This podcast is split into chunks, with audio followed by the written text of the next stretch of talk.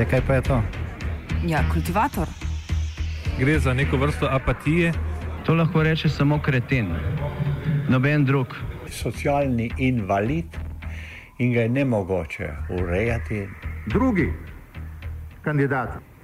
Pa, pa pije, kadi, masturbira, vse kako hoče lahko počne. Nihče tega ne ve. Vsak petek skultiviramo dogodek tedna. Lahko po kriterijih radio študent, težko pa po evropskih kriterijih. Ampak na drug način, kot vi to mislite. Kultivator vedno užge. Da pač nekdo sploh omenja probleme, ki so, in da pravzaprav sploh nekdo sproži dogajanje uh, v družbi. To drži, drži.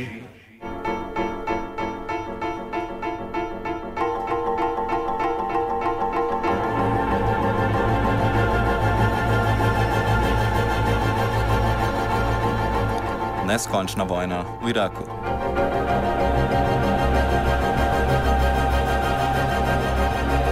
Tokratno oddajo namenjamo še vedno in kot kaže še dolgo aktualnim konfliktom v Iraku.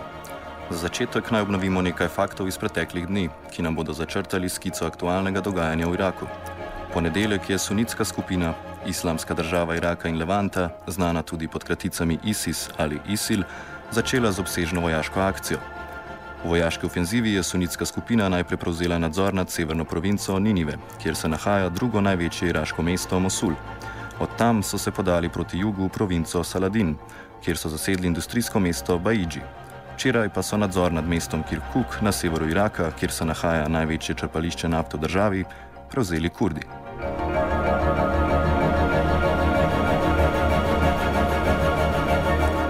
Sunitska militantna skupina ISIS medtem prodira vse bližje Bagdadu. Danes se iraške sile suniti bojujejo v mestu Bakub, ki je od Bagdada oddaljeno zgolj kakih 50 km. Razmerja moči med suniti, ki so v Iraku bili na oblasti v času režima Sadama Huseina, in šiiti, ki so prišli na oblast leta 2005 z zmago na, na volitvah, nam je predstavil dr. Primoš Terbenc, docent univerze na Primorskem.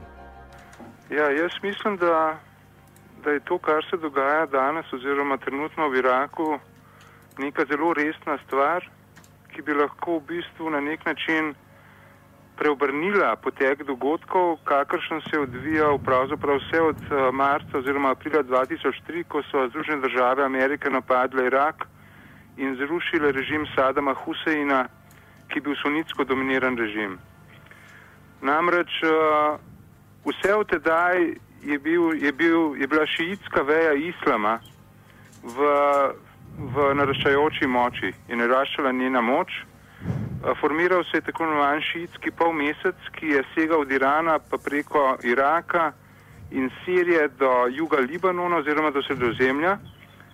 Tisto, kar je pa omogočilo nastanek tega zelo pomembnega šiitskega polmeseca oziroma povezave šiitskih režimov, je bila ravno zamenjava režima v Iraku oziroma to, da so šiiti kot uh, populacijsko največja skupnost v Iraku preko demokratičnega procesa volitev 2005 prišli na oblast. Sedaj se, sedaj postajajo, torej sedaj prihaja ta dominacija šiitov v Iraku pod vprašaj, kaj ti očitno gre za neko obsežno ofenzivo uh, sunitskega bloka proti šiitom v Iraku.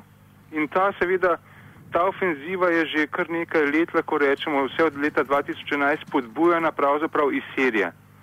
Ker sunitski uporniki v Siriji vse čas ostro rušijo šiitsko oziroma lavitsko dominiran režim, je to, je to pogumilo tudi uh, iraške sunite oziroma v bistvu imamo enakega akterja tako v Siriji kot v Iraku, to je islamska država Iraka in Al-Shama, kar pomeni zgodovinska Sirija. In uh, v tem smislu torej, če se, če na primer bi suniti prevzeli oblast v Bagdadu, bi bil to nek sedaj kar pomemben, nek pomemben, neka pomembna sprememba širšega položaja na Bližnjem vzhodu.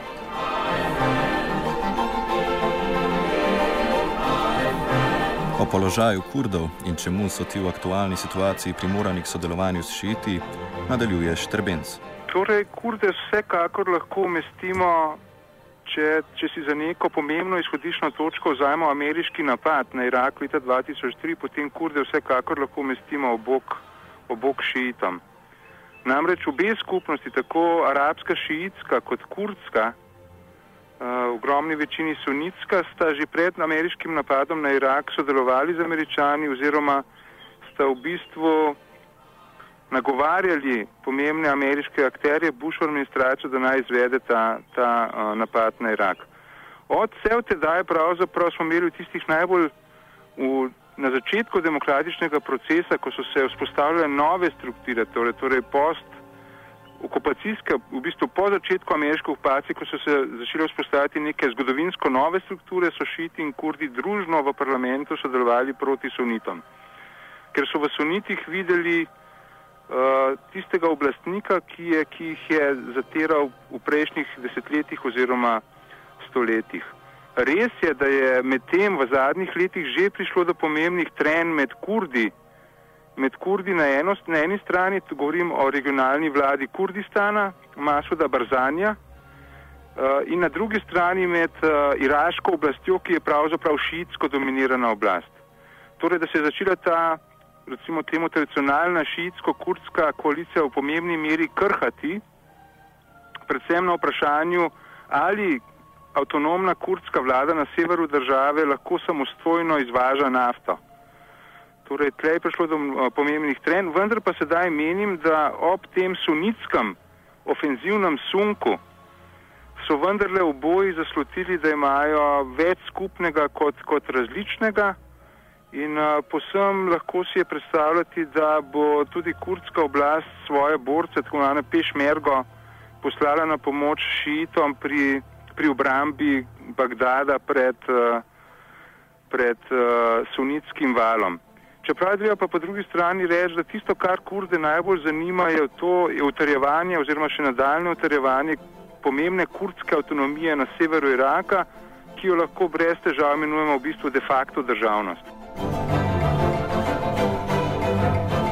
O nadaljnih razpletih sunitsko-šiitskega konflikta v Iraku in njuni vzpostavitvi dialoga med Saudsko Arabijo, ki velja za glavno zaščitnico sunitskih islamistov in šiitskim Iranom, je Štrebenc povedal naslednje. Torej, v bistvu lahko rečemo, da Pandorina skrinjica je bila odprta z ameriškim napadom na Irak leta 2003. In nič se ne zdi, da bi se ta Pandorina skrinjica do danes kakorkoli zapirala, nasprotno, iz te Pandorine skrinjice izhajajo zmeraj večje nasilje in pa destabilizacija celotne regije. Povedano v bolj prozaičnem jeziku, ker so šiiti prišli na oblast v Iraku leta 2003 oziroma 2005 in ker se je izoblikoval šiitski polmesec skozi celotni bližnji vzhod, želijo sunitske sile na vsak način zrušiti ta sunitski polmesec. In ravno zaradi te širše, te širše sunitsko-šiitske napetosti oziroma ostrega konflikta imamo danes v Siriji tako strašansko grozljivo državljansko vojno. Sirija je pravzaprav v dobršni meri razbita država, v Iraku pa se je enako zaradi te sunitsko-šiitske delitve popolnoma revitalizirala državljanska vojna, ki je tam divjala že med leti 2006 in 2008. Sedaj se v bistvu lahko rečemo, da prihaja do, do združevanja destabiliziranosti Sirije in Iraka.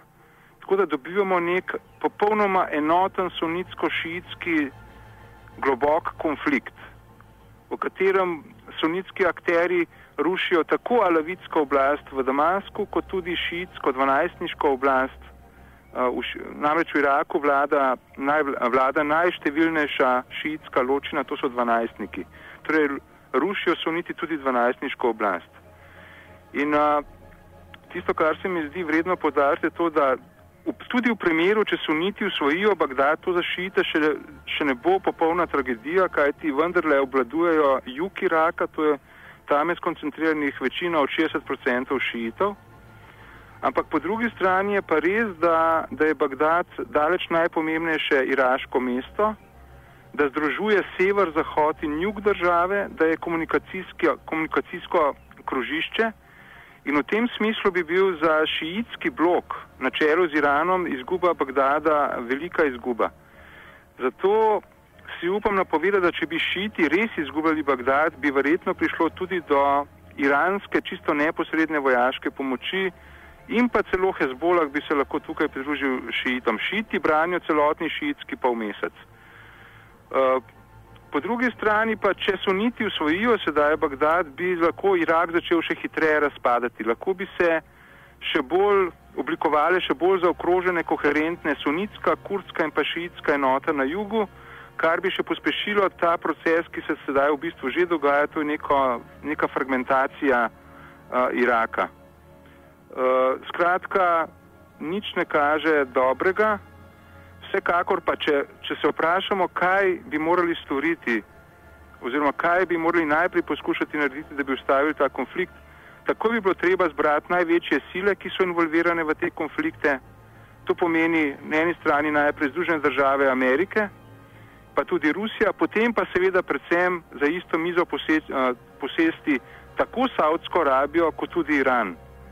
Saudska Arabija vodi sunitski blok, Iran vodi šiitski blok. Predvsem Iran je bil do sedaj popolnoma izključevan. Dokler Irana ne bodo involvirali v reševanje, do takrat ne bo mogoče pogasiti teh konfliktov.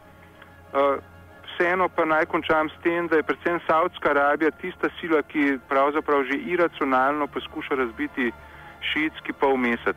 In Saudska Arabija je tista, ki podpira tako radikalne islamistične uh, sunitske islamiste v Siriji, kot tudi danes v Iraku, tudi ISIS, oziroma islamsko državo Iraka in Šama, in pa tudi v Libanonu.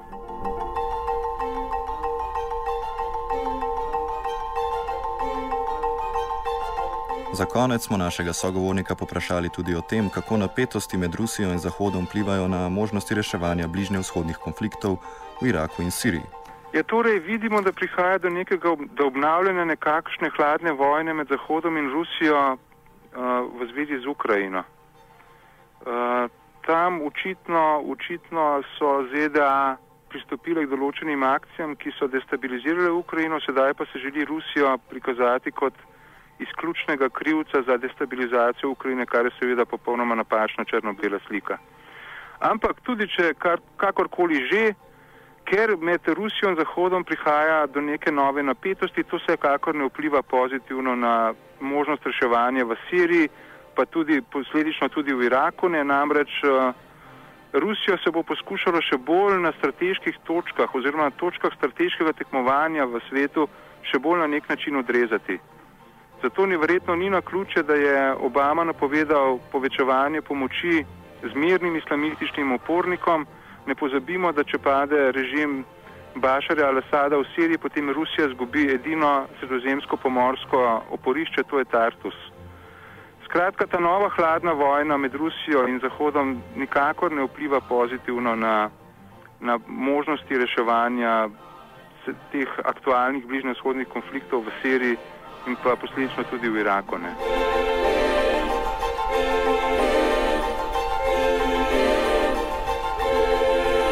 Kurde v Iraku in strateško vlogo z nafto bogatega mesta in province Kirkuk nam predstavi novinar Erik Valenčič. Kurdi so dobro pozicionirani na severu Iraka ne? in imajo pač tudi to srečo, da zaenkrat uh, nadzirajo to provinco Kirkuk na severu ki, kar je tukaj pomembno za razumeti, ne, je, da, to, da ta provinca plava na nafti. Zdaj, kar se Kirkuka še dodatno tiče, zakaj to celo stvar naredi zelo kompleksno, je, da si provinco in z njim mesto Kirkuk ne, prisvajajo ne samo kurdi, ampak tudi suniti, šiiti, turkomani in asirci. To je zelo eksploziven koktejl in to je razlog, zakaj je Kirkuk kot mesto in kot provinca že vsa ta leta eno najbolj nasilnih mest v, v samem Iraku. Ne. Zdaj, jaz sem bil pred leti na obisku pri sunitskem uporniškem šejku v Kirkuku. Ime mu je uh, Abdurrahman al-Munšit in gre za pomembnega človeka, ki nadzira velik del province Kirkuk in ima pod sabo razne islamistične, v osnovi pa sunitske milice, kot je Ansar al-Suna in tako naprej. Ne? In na moje eksplicitno vprašanje, kaj se bo zgodilo, če bi Kurdi uveljavili svoj nadzor nad Kirkukom, je odgovoril v bistvu samo z eno besedo. Ne? In ta beseda je makauma.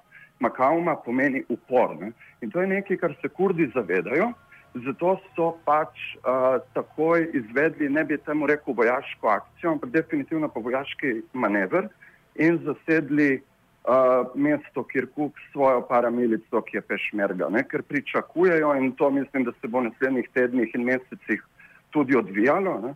Uh, da bodo suniti poskušali zasesti Kirkuk. Ne? Veliko se govori o, o Bagdadu, ne? zdaj ali bodo uh, vse te sunitske milice, islamistične, onake in drugačne, ne?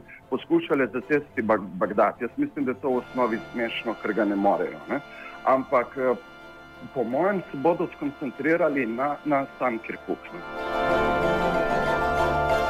O sodelovanju kurdov s šiitsko vojsko Valenčič doda.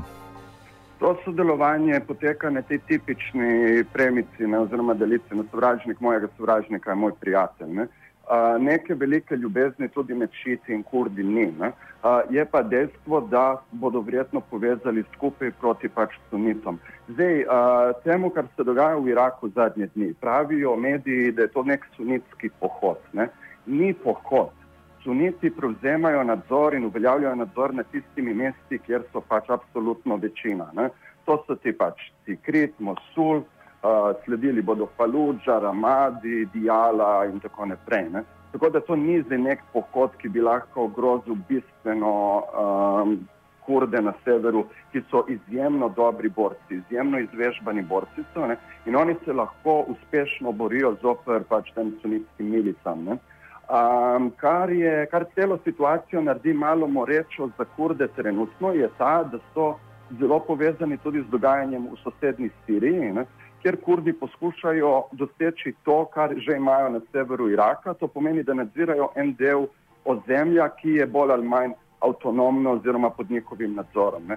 Zaradi tega je tudi PKK recimo razglasil premirje v Turčiji in Turki so bili lani zelo zadovoljni, ok, PKK borci zapuščajo Kurdistan v Turčiji in odhajajo v Irak. Ne.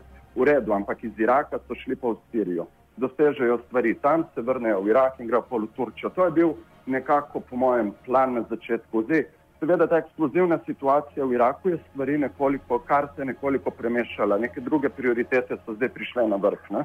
Uh, treba bo, po mojem, se spet boriti za to mesto Kirkuk, ne? ker če to zgubijo kurdi, ima da si ne predstavljam, da bi ga. Ne? Ampak če to zgubijo, zgubijo velik, velik tok denarja, ne? od katerega so odvisni. In tukaj je tudi en razlog, v bistvu, zakaj Uh, zakaj se dogaja zdaj to, kar se dogaja? Ne? Suniti so v tem novem, kvazi demokratičnem, nikakor pa nestabilnem Iraku ne? izgubili malo, da ne praktično vso moč, ki so imeli prej desetletja pod Saddamom Huseinom. Ne? Zdaj vsa nafta je na jugu in na severu. Ne? Na jugu so šiti, na severu so kurdi. In suniti so nekje ujeti na sredini, v provincah Dijala in Al-Anbar, kjer ni nič. Ne? In oni so marginalizirani in se zavedajo pač, da enostavno izgubljajo tako rekoč tla pod nogami in to je zdaj to, kar poskušajo odsvojiti. Pletenost zahodnih sil v Iraku in morebitno vojaško intervencijo Združenih držav Amerike pa opiše takole. Skratka, Barack Obama je leta, kdaj so že umaknili vojsko, 2010 se mi zdi, oziroma 2011. Ne. Takrat je Barack Obama priletel v, v Bagdad, in na veliko lagal. Pač mi zapuščamo Irak kot stabilno in demokratično državo. Nič od tega seveda ni res, ne eno, ne drugo. Ne. Um, Američani, če bodo hoteli pomagati režimu v Bagdadu, to bomo še videli, kako se bodo stvari odvijale naprej. Ne. Ampak mislim, da vlada v Bagdadu ne more kontrolirati sunitskega dela ozemlja. Mislim, da so še stvari predaleč. Ne. Kako lahko zdaj Američani tukaj pomagajo? Američani lahko dajo ta svoja brezpilotna letala, ampak vidimo, kako fantastično to deluje v Pakistanu. Seveda govorim s sarkazmom, ne? kjer pač ta letala skrbijo za absolutno nič drugega kot dotok vedno novih borcev, za priseženih džihadistov in tako naprej. Ne? Tako da ena stvar so brezpilotne letala ali pa še neka dodatna vojaška pomoč Iraku, ampak tu naj se pomoč razume v petih navednicah. Seveda gre za prodajo orožja in mislim, da panična vlada v Bagdadu bi znala kupiti resne pošiljke uh, orožja od američanov in nekih drugih zahodnih velesil. Ne?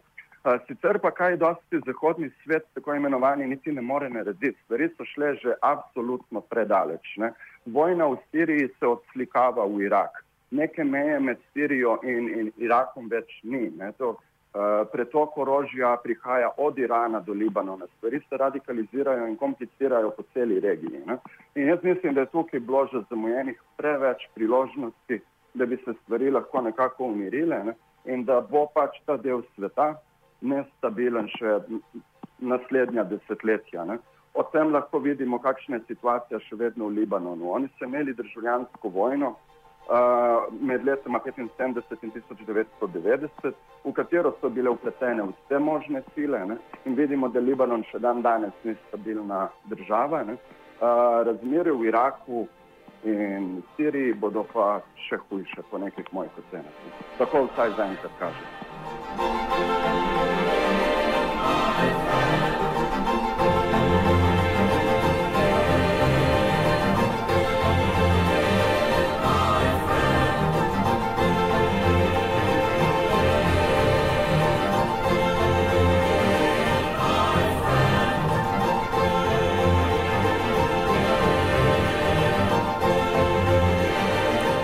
Kultivirala je vajenka Jatun.